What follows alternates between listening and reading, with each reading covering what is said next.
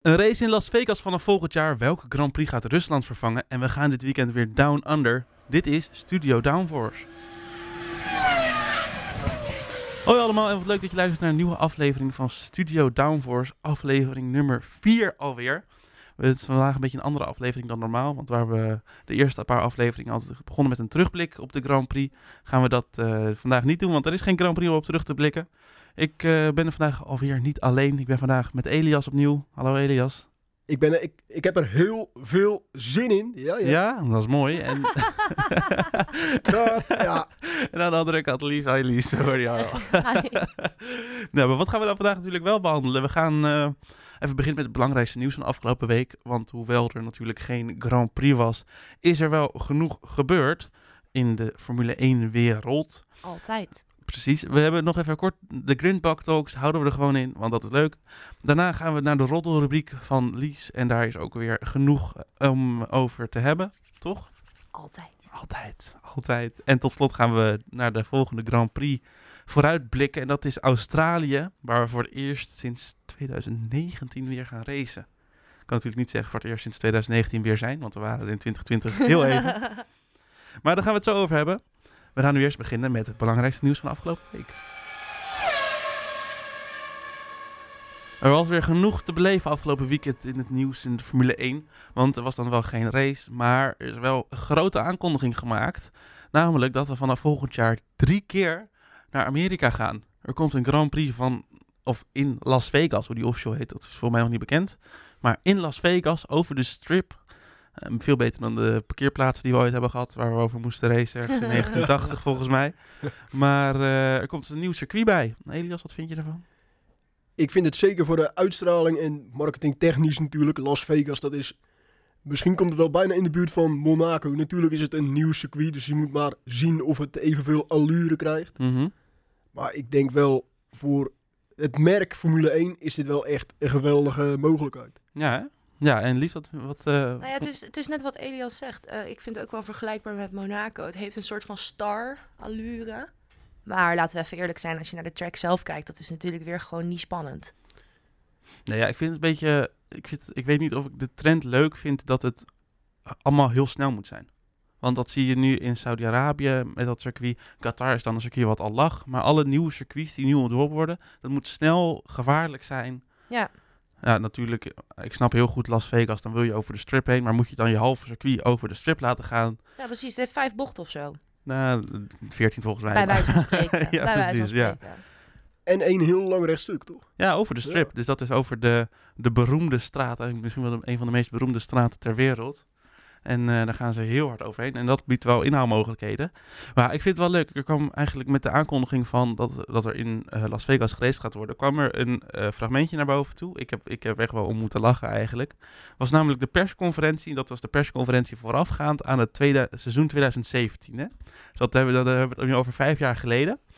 En daar werd aan Alonso, Hamilton, Ricciardo en Vettel, die nu allemaal er nog steeds gewoon zijn. Best Ja, dat grappig eigenlijk. bizar. Ja. Ja. Eh, werd gevraagd, wat is nou jullie droom voor de Formule 1? Want het was, dat was de eerste race met Liberty Media, de nieuwe eigenaar van de Formule 1. Nou, dan moet je maar eens even luisteren. Race in Vegas. What else? Race in Germany. I've said mine. Lewis, your thoughts? Miami race. it's all Be pretty good good one. so far. Yeah. Equal engines for everyone? I don't agree with that one. ja, nou, dus drie van de vier zijn daaruit eigenlijk werkelijkheid geworden wel. Want natuurlijk 2017 we hadden Hockenheim, maar ook de Eiffel Grand Prix in 2020. En nu vanaf dit jaar hebben we dan Miami, dus de wens van Lewis. En vanaf volgend jaar Las Vegas erbij. Alonso zal vast wel denken, god, mijn, mijn voorspelling dan weer net niet. Nou ja, maar ja, weet je, als Alonso uitvalt, kan hij wel gelijk naar het casino toe. Dat Kan echt letterlijk rollend naar het casino. Precies. Even tactisch, op een tactische plek uitvallen en dan Ja. kan, je, kan je direct door. Ja, dat, ik vind het wel grappig dat, de dat de Formule 1 wel nu een beetje de dromen van teams en fans en misschien ook wel organisatoren nu wel werkelijkheid maakt. Want het is heel lang al wel dat eh, Las Vegas, daar moeten we een keer terugkomen als Formule 1, werd er gezegd. Nou ja, het ligt er voor mij heel erg aan welke van de kalender afgaat. Ja, maar dat is natuurlijk nu wel de discussie. Want we hebben nu eh, Las Vegas wat volgend jaar bij komt. China wat volgend jaar weer terugkomt op de kalender. Ja, Qatar wat erbij komt. En dan heb je op een gegeven moment gewoon een max. En die, volgens mij is die nu al met deze races, is, zit, die, zit ze al aan de max Ja. voor volgend jaar. Dus er moet, er moet iets wijken. Ja, en anders gaat het niet passen. dus eh 1 op 5, dat, welk circuit er gaat eh, verdwijnen volgend jaar dan. Nou ja, als je gaat kijken natuurlijk voor de Formule 1 als geheel is natuurlijk zoveel mogelijk races wel iets wat eh, ja, positief is. Mhm. Hoe meer races, hoe meer kijkers, hoe meer... Ja, Ja, maar ze zitten nu echt wel aan de max. Ik bedoel, Ja, maar- ze kunnen echt niet meer racen dan dit. Kijk, de Formule 1, de organisatie erachter, die wil meer races, eigenlijk. mhm. Maar voor coureurs, kijk, coureurs op zich, ja, die rijden, maar die willen ook wel een beetje rust tussendoor. Maar wat dacht je En van wat mensen dacht je van- schermen? ja, Inderdaad, vooral de, mensen achter de schermen. Ja. Ja, Dus de pitcrew, de engineers, al die mensen moeten eigenlijk gewoon het hele jaar door zijn ze al bijna onderweg. En als er nog meer races bij komen, ja, dan ben je bijna niet eh, bij je familie. ik vind het sowieso wat discutabel dat we nu drie keer naar Amerika, dat- dat we drie keer naar Amerika gaan. Cella, dat is oké. maar dat we ook drie keer naar Amerika gaan. We hebben volgens mij nu in mei Miami, Mhm. in oktober eh, in Austin. En dan in november hebben we Las Vegas. Ja, het is logistiek niet heel logisch om, eh, om ze zo te verspreid Ja, te dat is kun je doen. bijna beter een triple ladder maken van die Ja. Amerika Ja. races. Nou, dat, ik snap ook weer dat ze dat niet doen. Want dan heb je natuurlijk weer dat de Amerikaanse, men, de Amerikaanse fans een beetje moe worden van alle races. Maar het is, logistiek is natuurlijk niet het slimste om te doen. Maar ja, Las Vegas erbij, Qatar erbij, China erbij. Er moet eentje weg. Ja. Minimaal één. Nu heb ik een lijstje gemaakt. Welke Grand Prix risico lopen. Want die hebben een contract voor dat dit jaar afloopt. Dat zijn er vijf. De kanttekening is dat eentje, de Red Bull Ring, wel naar verluid tegen een verlenging aan zit. Dus die blijft waarschijnlijk wel. En dan blijven er vier over. Dat is namelijk Spa, Monaco, Paul Ricard en Mexico. Nou, deze lijkt me heel duidelijk, toch? Ja, die is duidelijk. Ja. Paul Ricard. Paul Spa. Ricard. Zijn nou Spa? Zijn nou Spa? Nee, nee, Nee. nee, nee, nee, nee. Spa moet blijven. Nee, Paul Ricard moeten ze gewoon uitgooien. Dan Ja? was er wel het gerucht Ja. natuurlijk dat eh, Monaco misschien eh, niet het Maar- contract zou verlengen. Vorig jaar was wel een leuke race in Frankrijk. Ja, maar wanneer heb je nou voor de rest een leuke race in Frankrijk? Nee, maar het probleem was dat je elkaar niet kon volgen in Frankrijk. En dat is nu wel opgelost. Ja, denk maar ik. met al die uitloopstroken en zo, er is echt niks spannends aan. Nee, dat is waar. Maar ik denk dat, eh, hoe eerlijk dat Monaco eh, weggaat. Monaco? Ja, omdat het is gewoon... Maar dat is treintje rijden voor 70 rondjes lang. Ja, maar dat zou ik dan toch wel weer mooi vinden. Ja, ja. Weet je, het, Ja. ik vind Monaco, Monaco hoort er gewoon bij, weet je wel? Je Ja, het is toch- Maar ja, Frankrijk en- hoort er ook bij. Want je De hebt en een, en een team en een coureur die uit Frankrijk komen. Ja, ze, twee coureurs zelfs. Gasly en Ocon. Helemaal vergeten Ja, inderdaad. maar twee. het hele Formule 1 paddock woont in Monaco. Bijna Ja, wel, ja. ja. En hebben we een Belgisch coureur of Belgisch team. Max is officieel. of- Nederlands. Oh, eh, nee toch? Ja, of Belg. Ja, maar officieel is hij Nederlands. Van Doorn is een reservecoureur natuurlijk. Ja, Oh ja, Ja, die ja. nog. maar ja. Ja. Ja. Ja. Ja, precies. Dat, daar, daar laten we bij, denk ik. eh. Nee, ik denk dat Mexico wel veilig is om te blijven. Zeker voor de atmosfeer natuurlijk. Dat stadion, Ja, een beetje net Oh. als Zandvoort. fantastisch. Ja, Maar eh, ja, ik ben benieuwd. Ik, misschien gaan ze met de rotatie werken. Daar hebben ze het ook over gehad. Dat je het ene jaar Spa hebt, het andere jaar Paul Ricard. In dit voorbeeld dan bijvoorbeeld. Hè, en het andere jaar dan weer de Red Bull Ring. Dat dat zo eh doorroleert. Dat zou natuurlijk ook nog kunnen. ik denk dat dat heel verstandig is inderdaad. Nou, ik zie iemand eh, tegenover mij heel zagrijnig achter de microfoon zitten. Ja, nou ja, weet je, Spa heeft gewoon bij mij echt wel een speciaal plekje in mijn hart. Mhm. Dus als Spa eh, weg zou gaan voor een circuit zoals die in Las Vegas, nou, nee. Nee, zou, ik, daar zou ik toch wel een klein traantje om laten. Ja, dat snap ik wel. Wat me trouwens, dat zou ik ook wel zonde vinden. Want ze hebben natuurlijk net zo'n hele grote verbouwing gehad. En dan hoor je Ja. dat dit jaar de laatste keer is. Dat historische huisje, weet je wel, dat witte huisje Ja. de, eh, bij Eau Rouge, Ja. hebben ze zelfs weggehaald. Ja, nou, alle glansen er dus vanaf, dus die kan die wel weg. Maar ik heb dus dat hele lijstje gemaakt. Wat mij ook opviel, is de lengte van sommige contracten. We hebben natuurlijk nu die vier die bijna klaar zijn. Maar dan heb je ook bijvoorbeeld Bahrein 2036, Abu Dhabi 2030, Miami 2031, Qatar 2033. Het is echt, ik denk van, Bizar. ho- hoezo? Ja.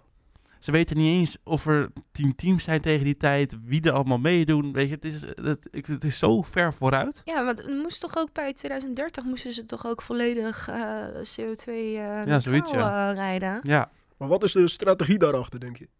Geld. geld. Geld binnenharken. Ja, geld en ook een beetje veiligheid. Dat je die races hebt. Ik eh, hoor, eh, ik zie volgens mij al tien jaar lang dat ze in Zuid-Afrika een race willen. Ja, en ze waren in 2021 al aan het praten met de organisatie van het circuit van Mhm. Zuid-Afrika. Kailami heet het. Ja. En het is waarschijnlijk de verwachting dat die ook in 2023 op de kalender komt. Ja. Maar dan wordt het wel heel, heel, heel, Ja. heel vol. Ja, ja, ja, ja, ze hebben natuurlijk nu dat Concorde-overeenkomst. Dus dat is eigenlijk een overeenkomst binnen alle teams, waardoor ze in de Formule 1 blijven. En daar staat in dat ze maximaal 25 races in een seizoen, zoiets. Dat is nog steeds echt Dat is echt ja, het heel is heel veel. veel. Dat is elke twee weken één. Ja. En dan niet rekening houden met een hele winterstop en een zomerstop erbij. Ja, dan kun je bijna gelijk door. Ja, precies. Ja, dat is inderdaad wel zo. Krijg je veel boze vrouwen thuis, denk ik hoor. ja. Alle huwelijken gewoon kapot. Ja, nou ja, eerlijk. Ja, nee, maar daar zullen ze wel ook de teams een oplossing voor moeten verzinnen. Met, ik, volgens mij werken ze ook al met twee teams, waarvan de eentje eigenlijk continu vooruit werkt naar de volgende race en één team op locatie is. Oké. Maar eh, het is wel, he- bijvoorbeeld nu ook naar Australië. Voor mij is dat een dag vliegen voor de meeste teams. Dus dat is echt wel gewoon een hele klus om iedereen daarheen te krijgen. Over Australië gesproken, dat is ook nog wel leuk nieuws wat ik deze week voorbij zag komen. We hebben gewoon vier DRS-zones dit weekend. Bizar. ik weet nog dat Australië ooit de primeur had om drie DRS-zones te hebben. Dat was in 2019. Volgens mij wel, ja, de laatste Ja. race. En dat is toen heel goed bevallen, want dat is toen meer gebeurd in eh, verschillende, eh, op verschillende circuits, waaronder Bahrein bijvoorbeeld, waar er nu ook drie zijn. Waar de eerste twee waren. Maar er zijn er nu dus vier met twee detectiepunten. Ja. Nou, we hebben in de vorige podcast al een beetje uitgelegd wat die detectiepunten doen en wat de DRS inhoudt. Maar eh, ik, wat mij opviel aan die detectiepunten, is dat ze op een andere plek liggen dan in eh Saudi-Arabië. Toch, Elias? Ja, ik heb even het opgezocht ook. Ja. De DRS-detectiezone 1, die ligt net eh, voor bocht 13. En geldt voor de activatiezones tussen het rechte stuk van start-finish tot bocht 1 en net na bocht 2 tot bocht 3. Dat is, zeg, dat is DRS-detectiezone 2, maar eigenlijk is dat natuurlijk voor de eerste twee Ja, precies. Dus voor. DRS op het rechte stuk en de Ja. DRS-zone daarna. En dan officieel heet die DRS-detectiezone 1. Mhm. En die ligt net na bocht 6. eh, ja, er geldt voor de actie- activatiezones tussen bocht 8 en 9. Mhm. En dan tussen bocht 10 en 11. Dus Ja. je hebt niet eh, elke keer die DRS-detectiezones net voor het DRS-activatie. Ja, precies. Dus dat- ik denk, ik denk dat we inderdaad in bocht 6, dat is net op de exit van de bocht, en dat is vlak voor een heel lang stuk waar ze vol gas gaan.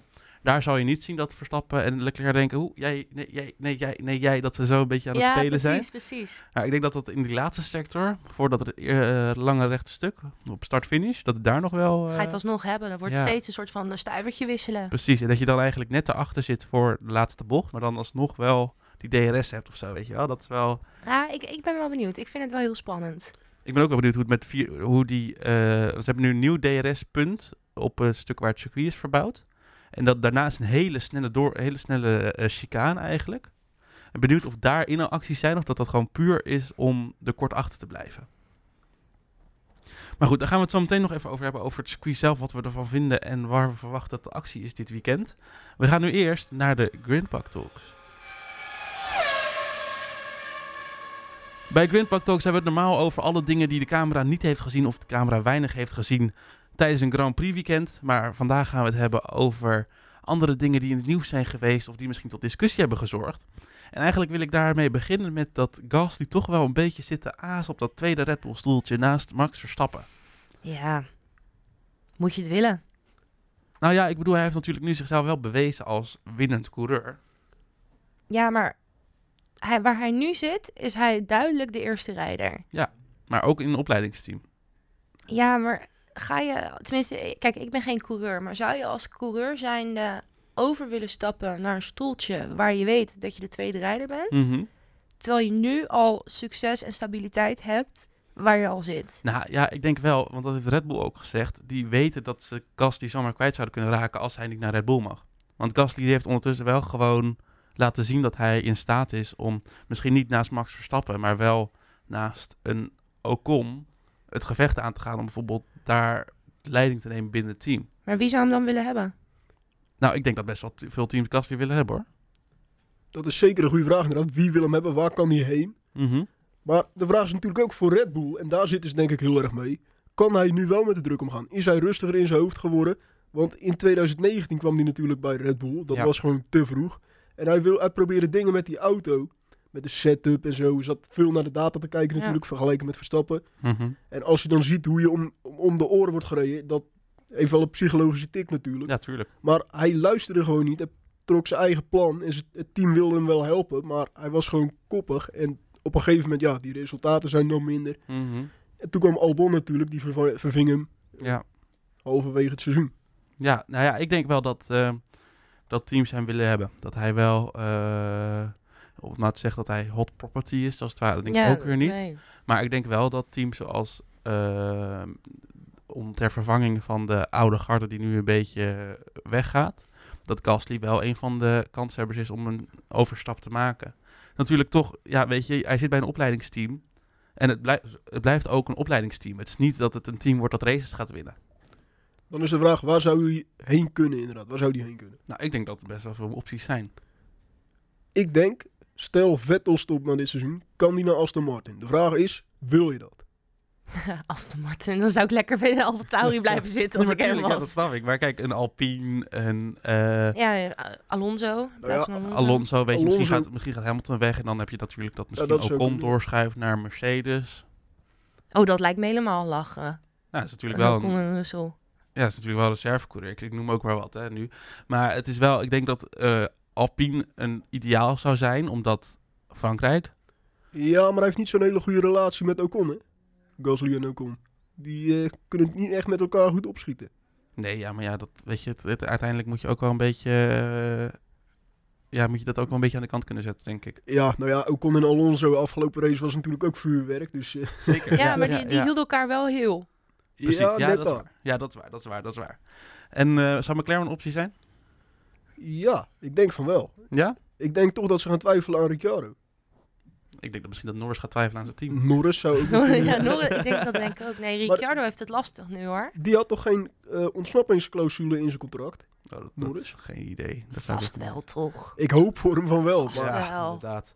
Die zal vast wel net zoals Verstappen, dat als de resultaten niet zijn, dat hij weg mag. Ja, want dat is toch ook, die heeft toch ook vijf jaar of zo getekend. Mhm, Ja. Ja, nou, maar als eh, Norris kan wel goede hoop halen uit eh, Ricciardo. Want Ricciardo heeft weer gezegd dat hij niet verrast zou zijn als McLaren races kan winnen nog dit seizoen. Nou, dat is natuurlijk in principe... Kijk, McLaren heeft natuurlijk gewoon te weinig risico genomen met een auto. Eigenlijk een te brave auto, kan je wel zeggen. Maar eh, als het aan hem ligt, dan denkt hij wel dat, de, dat het team de problemen kan oplossen. Of in ieder geval verder kan ontwikkelen aan die auto. Dat er nog resultaten uitgehaald kunnen worden dit jaar. Nou, ik hoop het. En dan kan ik toch nog een beetje met mijn McLaren merch hier aantrekken. nou was natuurlijk de zevende plaats van Norris afgelopen race in Saudi-Arabië wel een hoopvol teken. Ja. Maar ja, die race in Bahrein was gewoon een drama. Klopt. En de vraag is, als zij die remproblemen die ze hebben oplossen, hoe snel zijn ze dan? Dan, zijn ze nog steeds, dan is die auto nog steeds veel te conservatief, denk ik. Ja, nou ja, wat, eh, want ze hebben natuurlijk ook die Mercedes motor, waar Mercedes zelf zegt dat ze echt 1 tot 2 tiende verliezen. Al. En eh, het is gewoon inderdaad te conservatief gebouwd, die auto. Ja. Maar ik denk wel, wat natuurlijk wel een beetje ook wel weer een apart beeld geeft, dat eh Ricciardo natuurlijk uitviel. Op het moment dat hij vlak achter Norris zat. Want hij zat wel de hele race in Saudi-Arabië in de buurt van Norris. Het is niet alsof hij, net zoals hoe het bij, bij Mercedes was, dat Russell in niemands land op P5 reed en dat Hamilton met Magnus aan het vechten was op P9, weet je wel. Ja, dat kwam natuurlijk ook door de slechte kwalificatie van Hamilton. Nee, maar tuurlijk. Maar dat is wel, Ricciardo zat wel gewoon in de buurt bij Norris Ja, in Saudi-Arabië totdat hij stilviel voor de pitlane. Nee, fair, fair. Maar eh, dan een andere coureur die misschien ook wel, wel of niet, wel of niet, weet je, op die wip zit van een Formule 1 stoeltje, Ja! Is eh Nicolas Latifi. Nee. Ah, nee, is Nico Hulkenberg. Nico Hulkenberg. Ja, leuk vent. Jezus man, de ene week zit je met de Ferrari fanclub, dan de Red Bull fanclub en nu is het de Nico Hulkenberg fanclub. Yo, ik ben altijd de Nico Hulkenberg fanclub. Maar hij wil zijn comeback maken, heeft hij gezegd. Terecht. Lies, in jouw objectieve blik, hoe groot is de kans dat Hulkenberg in 2023 een stoeltje heeft? Met een nadruk op objectieve blik. Oké, nou ja, de objectieve blik zou ik zeggen eh, 7,5 procent. Oké, En eh, vanuit mijn hart geeft die vent een stoel, man. 70%. 99 procent. Oh. Hoppa. Die moet Ja? er gewoon in. Ja, joh, hij was niet getraind. Nekpijn van hier tot Tokio. En dan alsnog rijdt die strol eruit. Ik vind het helemaal mooi. Oké, oké. En Elias, wat denk jij? Ik denk ook niet dat de kans heel groot is. Maar net als Lies heb ik toch wel een zwak voor Hulkenberg. Dus ik zou zeggen, geef hem een stoeltje. Maar ik denk niet dat hij nog een comeback kan maken. Want hij is nu hoeveel jaar uit? Drie jaar? Officieel drie jaar. Maar hij, Hij heeft natuurlijk in vast contract 2020 natuurlijk, eh, drie races gereden, nu weer twee races. Hij heeft wel ingevallen, maar Precies. niet een heel seizoen gereden. Nee. En dat gaat toch wel je parten spelen, denk ik. Ja, maar hij heeft toch een gunfactor. En dat is toch voor de PR is het toch fantastisch. Dan wil je toch Ja, maar voor de. PR is het fantastisch voor één race. Precies. Nee joh, weet je hoeveel merch je, je kan verkopen met Hulk erop? Ja, maar weet je, weet je Ja, hoeveel merch je kan verkopen zeker. met... Precies. Ja, precies. Ja, Omdat er mensen zijn zoals ik die dat kopen. ja, maar weet je, je hebt, je hebt ook bijvoorbeeld Piastri in de Formule 2, nu meer, maar die, ja, ook, die, die ook gewoon de populariteit achter zich heeft. Hè? ja, maar eerlijk, die, die had er al in moeten zitten. Ja, maar dan zou ik eerder Piastri willen zien in Aston Martin dan, Dat ben ik met je eens. Dat ben ik met je dan eens. Hulkenberg. Dan gun ik het ook, eh, Ja. dan gun ik het ook Piastri meer. Dus ik, ik, weet je, ik zou het superleuk vinden als hij terugkomt, maar het moet niet ten koste gaan van de jonge coureur. Maar stel, da- stel dat hij een comeback zou gaan maken, dan denk ik Aston Martin als vervanging van Vettel. Ja. Misschien, dat zou een optie kunnen zijn. Was Want hij, hij, hij, kent dat, hij kent dat team natuurlijk goed. Of Williams, denk ik, in plaats van Latifi. Ja. Maar Ja, Latifi ook geld. weg. Ja, maar dat, hebben ze minder nodig, hè, nu met die eh, investeerders erachter. Ja, ook zeker waar. Zeker waar, ja. En dan ehm, tot slot al net al Piastri, die uit Formule 2 natuurlijk komt en dit jaar reservecoureur is. Waar ook de ogen nu op staan is dit seizoen natuurlijk de Formule 2. Onder andere eh, als Nederlands uh, fan Richard Verschoor doet het Ja. heel goed. Die doet het echt het best En goed, eh, ja, precies. Die heeft eh, al race, race gewonnen, podium volgens mij. En mazzel, hè? eh, Want die zou niet eens gaan. Die heeft het vorige seizoen niet eens af kunnen Ja. maken. Omdat hij niet genoeg gesponsord plekje had. overgenomen van Bent Fiscaal, toch? Ja, bij Trident, ja. Dat was, een, dat was een team die nog nooit gewonnen had in de Formule 2. En nu al met een overwinning heeft en een podiumplek door Verschoor. Ja, Dus dat is al wel heel goed nieuws. Ik denk wel dat het een beetje een De Vries 2.0 wordt. ik denk ook dat hij het niet gaat halen. Want ik denk dat de Red Bull junioren die daar rijden wat meer kans hebben. Je hebt Phipps en Lawson die daar eh, rondrijden. En die zijn natuurlijk beide ook al... eh, voor mij is Lawson reservecoureur van... of testcoureur van Red Bull en Phipps van Alfa Tauri. Ja, of andersom. Net inderdaad, een van die twee. In ieder geval die twee samen zijn de reserve... of de testcoureurs. Want de reservecoureurs is weer iemand anders volgens mij. Maar de eh, testcoureurs van eh, de Red Bull familie. En eh, zij maakt volgens mij wel kans om door te schuiven komend jaar. Ik denk zeker Lawson, hoor. Ja, hè? Want hij deed echt heel goed in de DTM. En hij werd gewoon daar op het laatste moment vol genaaid natuurlijk door die concurrent van hem. Dat was eh, Zuid-Afrikaan. Ik heb geen idee. Nu, je In ieder geval, je schiet mijn De laatste, hij, hij lag met de laatste twee races nog, Mhm. eh, lag hij, eh, sto- stond hij bovenaan. Toen heeft hij Albon toch uitgereden in DTM ook. Hij reed hem helemaal zoek in de Ja, DTM, precies. Ja, maar dat is dus eh, inderdaad DTM-titel net niet gepakt. Net niet gepakt inderdaad, met wat ongeluk. En toen teamorders bij die eh, klantenteams van Mercedes. Oh ja, geen idee. En toen won dus een van die Mercedes-coureurs. won. Ah. Nou, ja, in ieder geval Lawson. Dus eh, jij, jij ziet Lawson volgend jaar wel bij Alfa Tauri? Ik zie Lawson daar wel naast Gasly of Tsunoda. Ja. Ik Nou ja, denk, Tsunoda, die moeten ze gewoon laten gaan, toch? Ja, maar dat is natuurlijk die Honda. Ik denk dat, dat, dat ze Tsunoda nog even een jaartje vasthoudt, totdat Honda volledig weg is in de ontwikkeling. en dan zeggen ze, het, nou dat was gezellig, maar tot ziens. Tot ziens. Bedankt voor het geld. Dus, nou, maar ja. ik, ik denk, je hebt natuurlijk nog meer Red Bull coureurs in de Formule 2. mhm. Ik denk Daruvala, die zit er te lang. Dus dat is ook weer een gevalletje Nick de Vries. Die gaat de stap niet meer maken, Ja, denk hij, ik. Hij is Ja. net niet. En je hebt ook nog Dennis Hauger, de kampioen van de Formule 3 afgelopen seizoen. Onwijs goede coureur dat. Prima coureur. En ik denk ook dat hij de stap later nog kan maken. Net zoals bijvoorbeeld Piastri. Een jaartje later of zo, Misschien inderdaad. een jaartje later. Misschien een reservecoureur zoals Piastri ook. Mhm. Maar ja, dat ziet er wel goed uit voor Red Bull, zeg maar. De doorstroming, tenminste, de doorstroming is niet goed. Maar er is in ieder geval weer hoop. Er is wel wat te kiezen voor Red Ze hoeven Ja. geen Brandon Hartley op te roepen. om te rijden. Dat- Of, of Fiat eerst ontslaan en daarna voor één race terug. Precies, Ja. precies, precies. ja, nou, dus eh, dat is inderdaad dat is niet aan de orde. En eh, ze hoeven ook niemand in te kopen. Over dat kopen gesproken, Lies. Volgens mij hebben we in het Rotterrubriekje heet nieuws over Formule veel. 1 teams en geld, hè? Heel veel geldkwesties. Nou, laten we dan maar gelijk heen gaan. Dan gaan we naar ons journalistiek hoogtepuntje uit onze podcast. Hey, kom op. Kom op zeg. Heel erg mijn best gedaan. Elke week weer. Ja, precies. Ja, nee, het is ook wel... eh, er zitten goede roddels bij elke week wel. Ja, ik wou net zeggen. Mijn Twitter die draait overuren. Het is Ja? echt bizar. Heb je een heel team achter zitten? Eh, ja, nou ja, met mijn idee. 21 volgers moet je wat, hè? Ja, precies. Ja, ja, ja. ja. Ik heb nu een heel eh, PR-team. eh. Oké, grapje. Begin maar gewoon, begin maar gewoon. We gaan, we gaan door, inderdaad. Nou ja, we hebben het al... Ik denk dat het nu wel gerucht al minimaal een jaar gaan is. Als het niet langer is, is dat, eh, er, dat er geruchten zouden zijn... dat Audi en Porsche de Formule 1 zouden betreden. Nou ja, dat hebben we allemaal al wel gehoord, maar er was, het, was nooit, het was nog nooit concreet. Mhm. Eh, nou is van de week weer iets in het nieuws gekomen hierover. Namelijk is dat Volkswagen Groep gisteren officieel toestemming zou hebben gegeven voor het entree van Audi en Porsche. Ja, precies. Want Volkswagen Group, dat is de overkoepelende organisatie. Ja, dat moet ik misschien inderdaad even toelichten, toelichten aan de mensen die dat niet kennen. Volkswagen Groep is een onderdeel van ehm, Volkswagen, haha. maar, maar die hebben ook Skoda en Lamborghini en Bugatti en eh, al dat soort dingen. En Porsche en Audi. En Porsche en Audi. En ehm, nou is het wel grappig, want eh, Audi die wil niet zomaar als motorleverancier toetreden, maar die is echt geïnteresseerd in het team van McLaren, om het Mhm. hele team op te kopen. Ja.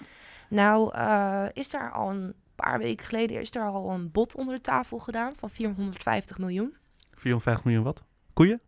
Eh, Onder de- dollar, onder de tafel. dit, eh, dit is even mijn wiskundedocent die erboven komt. 450 miljoen wat? Ja, eh, dollars, koeien, geiten, wat je maar wil. Veel geld, Ja, veel, veel geld. geld. Veel geld. En als ik McLaren was geweest, had ik toen al gezegd van... nou jongens, tekenen die handel en gaan. Nou, dat is natuurlijk... Ja, snap ik. Maar ik denk ook dat ze... Dat ze, ze hebben natuurlijk een eigen missie, hè? Met een Formule 1 team. Het is niet dat ze... Oh, er is een geldbedrag. Nou, is goed. Dan uh, aju paraplu. Nou ja, het nieuws van deze week is dus is dat Audi het zo graag wil... is dat ze dat bod van 450 miljoen hebben verhoogd naar 650 miljoen. Maar de vraag is, gaat McLaren het team verkopen? Want ze hebben nu, investeren ze uit Saoedi-Arabië? Of Zoiets, ja. Verenigde Arabische Emiraten, in ieder geval het. Midden-Oosten. Dus ze hoeven het denk ik niet te verkopen. Nee. Nee, dat, dat denk ik ook Er zit niet. ook wel een historie achter het team, hè? Ja, Dat is natuurlijk echt al wel tientallen jaren waar dat het team meegaat ook in de Formule 1. Dus het zou heel... Het is een hele grote beslissing om dan te zeggen... Ja, we gaan het verkopen aan Audi. ik hoop voor de Formule 1 zelf dat McLaren het niet verkoopt. En als ze het verkopen, maak er dan een combinatie van. Audi, McLaren, McLaren, Ja, Audi. precies. Ja. Of Weet dat je- het alleen de motorleverancier Audi Hetzelfde wordt. als. BMW zou het doen. Ja, Ja. het zou ook wel, denk ik, sowieso goed zijn voor McLaren als ze kunnen overstappen op een andere motorleverancier. Want nu Dat rijden ze eigenlijk altijd in de B-motor. Ze hebben Mercedes, hè? Ja, maar alsof Mercedes de beste motor aan McLaren levert. Dat was tot volgend jaar, vorig jaar wel zo. Tot vorig jaar, precies mijn punt. Dat is dit eh, een ander verhaal. Nou ja, Nou, in ieder geval, eh, er schijnt gisteren een intentieverklaring getekend eh, te zijn. Gisteren is geweest. maandag. Ja, gisteren is maandag. Klopt. Ja, nee, ja. klopt. Dat, Ik Mhm. ben, eh, dat klopt. Alleen een intentieverklaring, ja, weet je, dat zegt niet zo Die heel heeft- Die heeft veel. McLaren ook in de Formule 1, toch? Ja. Ja, weet je, een intentieverklaring die eh, kunnen jij en ik ook tekenen. Is dat eh, van plan zijn om iets te kopen. En daar kan je Mhm. altijd nog vanaf. Dus dat Precies. zegt nog steeds niet zo heel veel. Maar Mhm. dit was toch wel weer iets wat ik even wilde meenemen. Want ik vind die 450 naar 650 miljoen vind ik wel interessant. Groot stap. Dat is veel geld. Nou ja, McLaren en overstappen naar andere motorleveranciers is niet zo'n gelukkige combinatie natuurlijk. Die hebben iedereen gehad. Je hebt alleen Ferrari nog die zelf moeten Nee. dat Goed zou, punt, dat zou ik wel heel erg botsen. Ja. Maar de vraag is natuurlijk ook, zou, zou, wat, wat gaat er veranderen dan bij McLaren? Stel dat Porsche daar komt. Audi. Audi. Of eh, Audi. Nee, dat is goed. Het, is- het is lastig. ja, ja, het is eigenlijk gewoon, basically gewoon hetzelfde Het team zijn, bijna. Gewoon zijn natuurlijk, dezelfde organisatie erachter. ja, maar het zijn natuurlijk qua auto's zijn het concurrenten van elkaar. Ja. Dus dan, d- d- het is wel interessant van, is dan wel een team als Audi, McLaren, McLaren, Audi wel mogelijk? Ja, dat, is is zeker wel- een goede vraag. Daar zullen ze bij McLaren ook over nadenken nu. ja, dat is iets waar we nog wel op terug kunnen komen, denk Blijft. Norris eh, dan? Blijft. Ricciardo dan? Blijft het team intact, zeg maar? Mhm. Ja. Misschien wel een Duitse coureur weer. Hulkenberg! Ja, nee, ik wilde het net zeggen, maar je was me alweer voor. Eh, we gaan door. We gaan door. Of Oh. willen we nog... eh, Nee, is goed. Ik, Ga door, eh, ik, ja. ja, het is jouw rubriekje. Ja, nee, ik wou nou zeggen. Ehm, er is nog een klein nieuwtje. En dit is wel heel erg grappig. Afgelopen 1 april ha, 1 april, Ja. eh, kwam de NOS met een bericht. Is dat Qatar Sochi zou vervangen op de Mhm. Formule 1 kave- kalender. En dat zou dan over dit jaar gaan. Ja. En ehm, nou ja, de NOS is best wel, die, die, die doen normaal niet aan grapjes of zo, toch? Nee, ja, en als ze dat doen, dan hebben ze vast wel weer rectificatie Ja. eh, op 2 april. Precies. En nu staat dat, eh, ja, het staat er dus nog steeds op.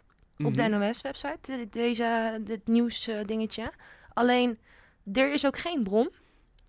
Ja, ik denk bijna zou het een week te vroeg zijn of zo, dat ze dit gepubliceerd hebben. Nou ja, geen bron, niks. Het, het, is, ook, het is ook best wel eh, een kort berichtje. Maar ja, wat, wat doet de hele media? Die hebben het allemaal massaal overgenomen. Maar het, is ook, het, het enige is de NOS. Het is Ja. niks officieels bevestigd vanuit ja, FIA, vanuit Formule 1 zelf, vanuit ja, Qatar. Of, eh, of bu- buitenlandse media heeft er niks over nou, gezegd. jawel, die hebben erover gezegd dat de NOS heeft gezegd ja, dat. daarna, daarna inderdaad. Die hebben het overgenomen van de NOS. Die zijn er niet zelf meegekomen. Ja. Dus dit is wel heel erg interessant of dit nou...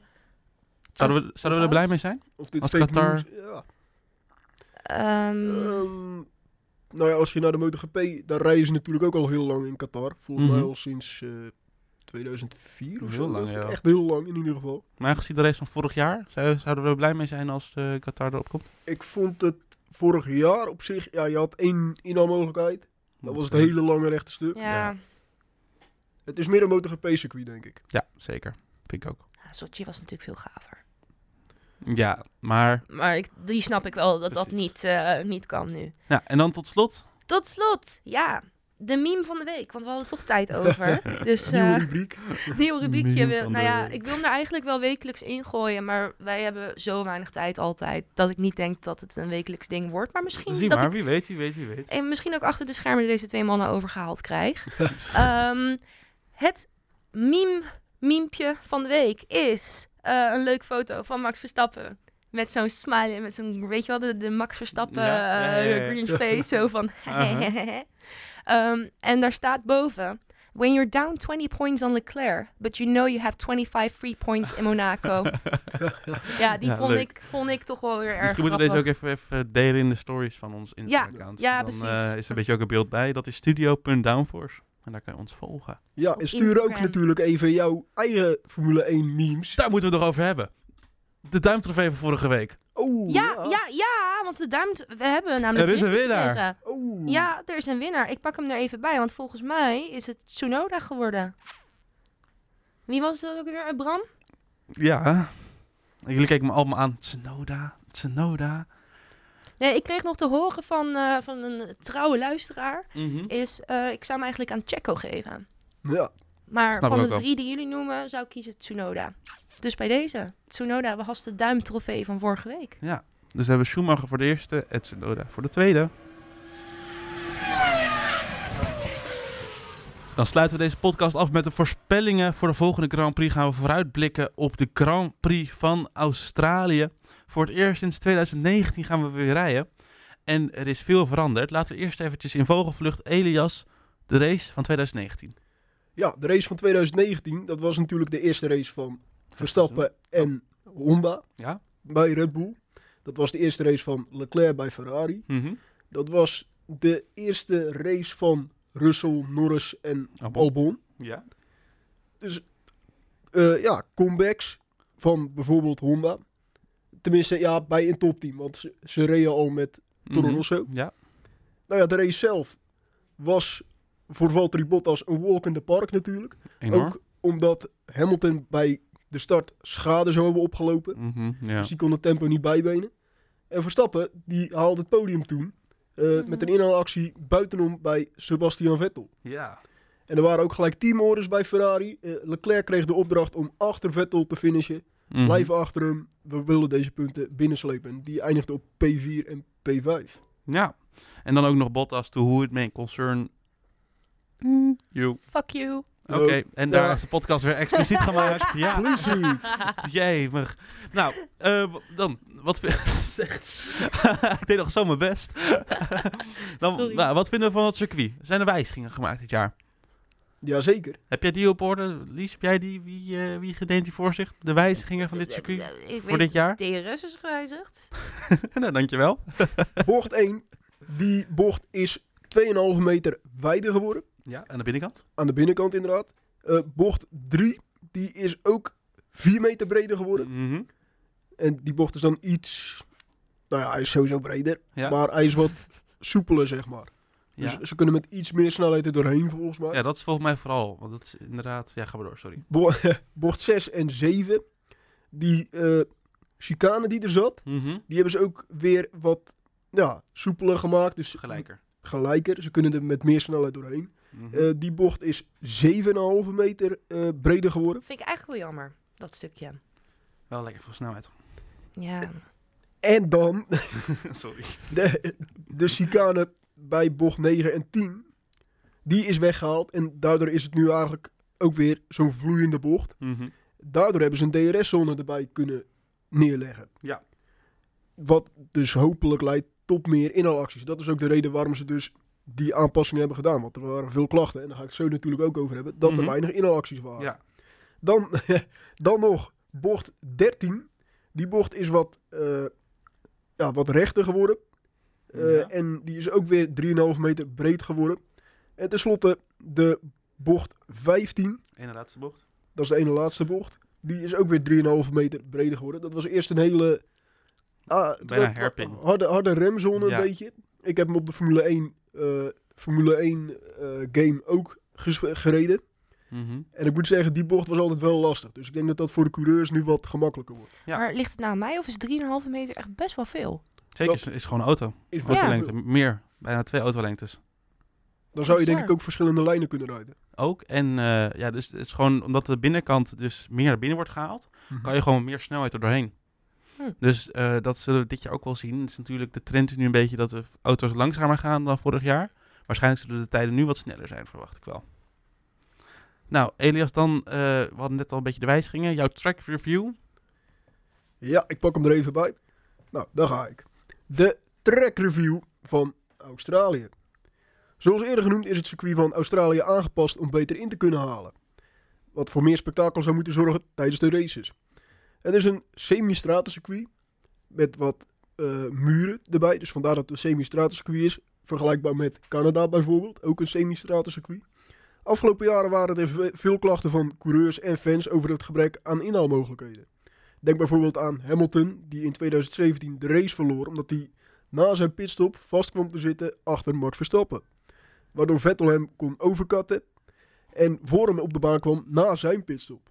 En Verstappen kwam zelf ook in 2018 vast te zitten achter Fernando Alonso, die toen nog voor McLaren reed. Eh, de race werd twee jaar niet verreden door corona. En in 2020 begonnen ze wel met de vrije training, maar toen kwamen de be- coronabesmettingen van McLaren en besloot dat team zich terug te trekken. Eh, daarna werd besloten om de hele race af te lassen. Daarna werd het circuit later aangepast Mhm. in 2021. En het is waarschijnlijk 5 seconden eh, per ronde sneller. Vijf oh, seconden. vijf seconden. Dat is wel de verwachting. Wow. Eh, dan nog even een paar opvallende feitjes. Mhm. Hamilton die wist in het hybride tijdperk elke keer pole position te pakken in Australië. Het lijkt erop eh, dat hij deze reeks echter niet door zal zetten. Want als je ziet wat de achterstand van Mercedes op Ferrari en Red Bull is, dan verwacht ik niet dat hij pole position gaat halen. Het zou toch wat zijn als hij nu pol haalt, hè? Alhoewel, ze voorspellen natuurlijk wel regen komend weekend. En waarschijnlijk ook in de race. Dus Ja. Oh, Russell. Ja, want, want die Mercedes doet zo goed op lage snelheid. ja, in de pitstraat functioneert hij wel, ja. Oh, wat erg dit. Ga door. Maar hij won, of tenminste, hij pakte van 2014 tot en met 2019 elk jaar pole position. Maar wat opvallend is, hij won daarvan slechts één race en dat was in 2015. De andere races werden gewonnen door Rosberg twee keer, Vettel twee keer en Valtteri Bottas één keer. Eh, Hamilton won de Grand Prix van Australië ook in 2008 voor McLaren. Maar dat is dus wel opvallend dat die pole position onder andere door strategie van Mercedes in 2017 en Ja. een eh, virtual safety car in 2018. En volgens mij in 2014 viel hij uit met motorproblemen. Mhm. Eh, ja, dat hij daardoor zijn pole position niet kon verzilveren. Nee. Dan de Grand Prix van Australië. Dat is een van de oudste races ter wereld. De eerste Grand Prix in de Formule 1 was in 1985, maar in 1928 eh, vond de eerste Grand Prix van Australië plaats op Phillip Island, kennen we van de MotoGP, Mhm. voor de Tasman Series. Oké. In totaal organiseerden 23 verschillende circuits de Grand Prix. Zo. En Lex Davison en Michael Schumacher hebben het record voor de meeste overwinningen in handen in Australië. Beide met vier stuks. Dan nog een feitje voor Nederlanders. En dat is niet heel hoopvol, maar hopelijk komt er verandering in. Max. Verstappen wist hier slechts één keer het podium te halen. En dat was in 2019, de laatste race in Australië. Nou, dat was hem. Dat was hem. Alright.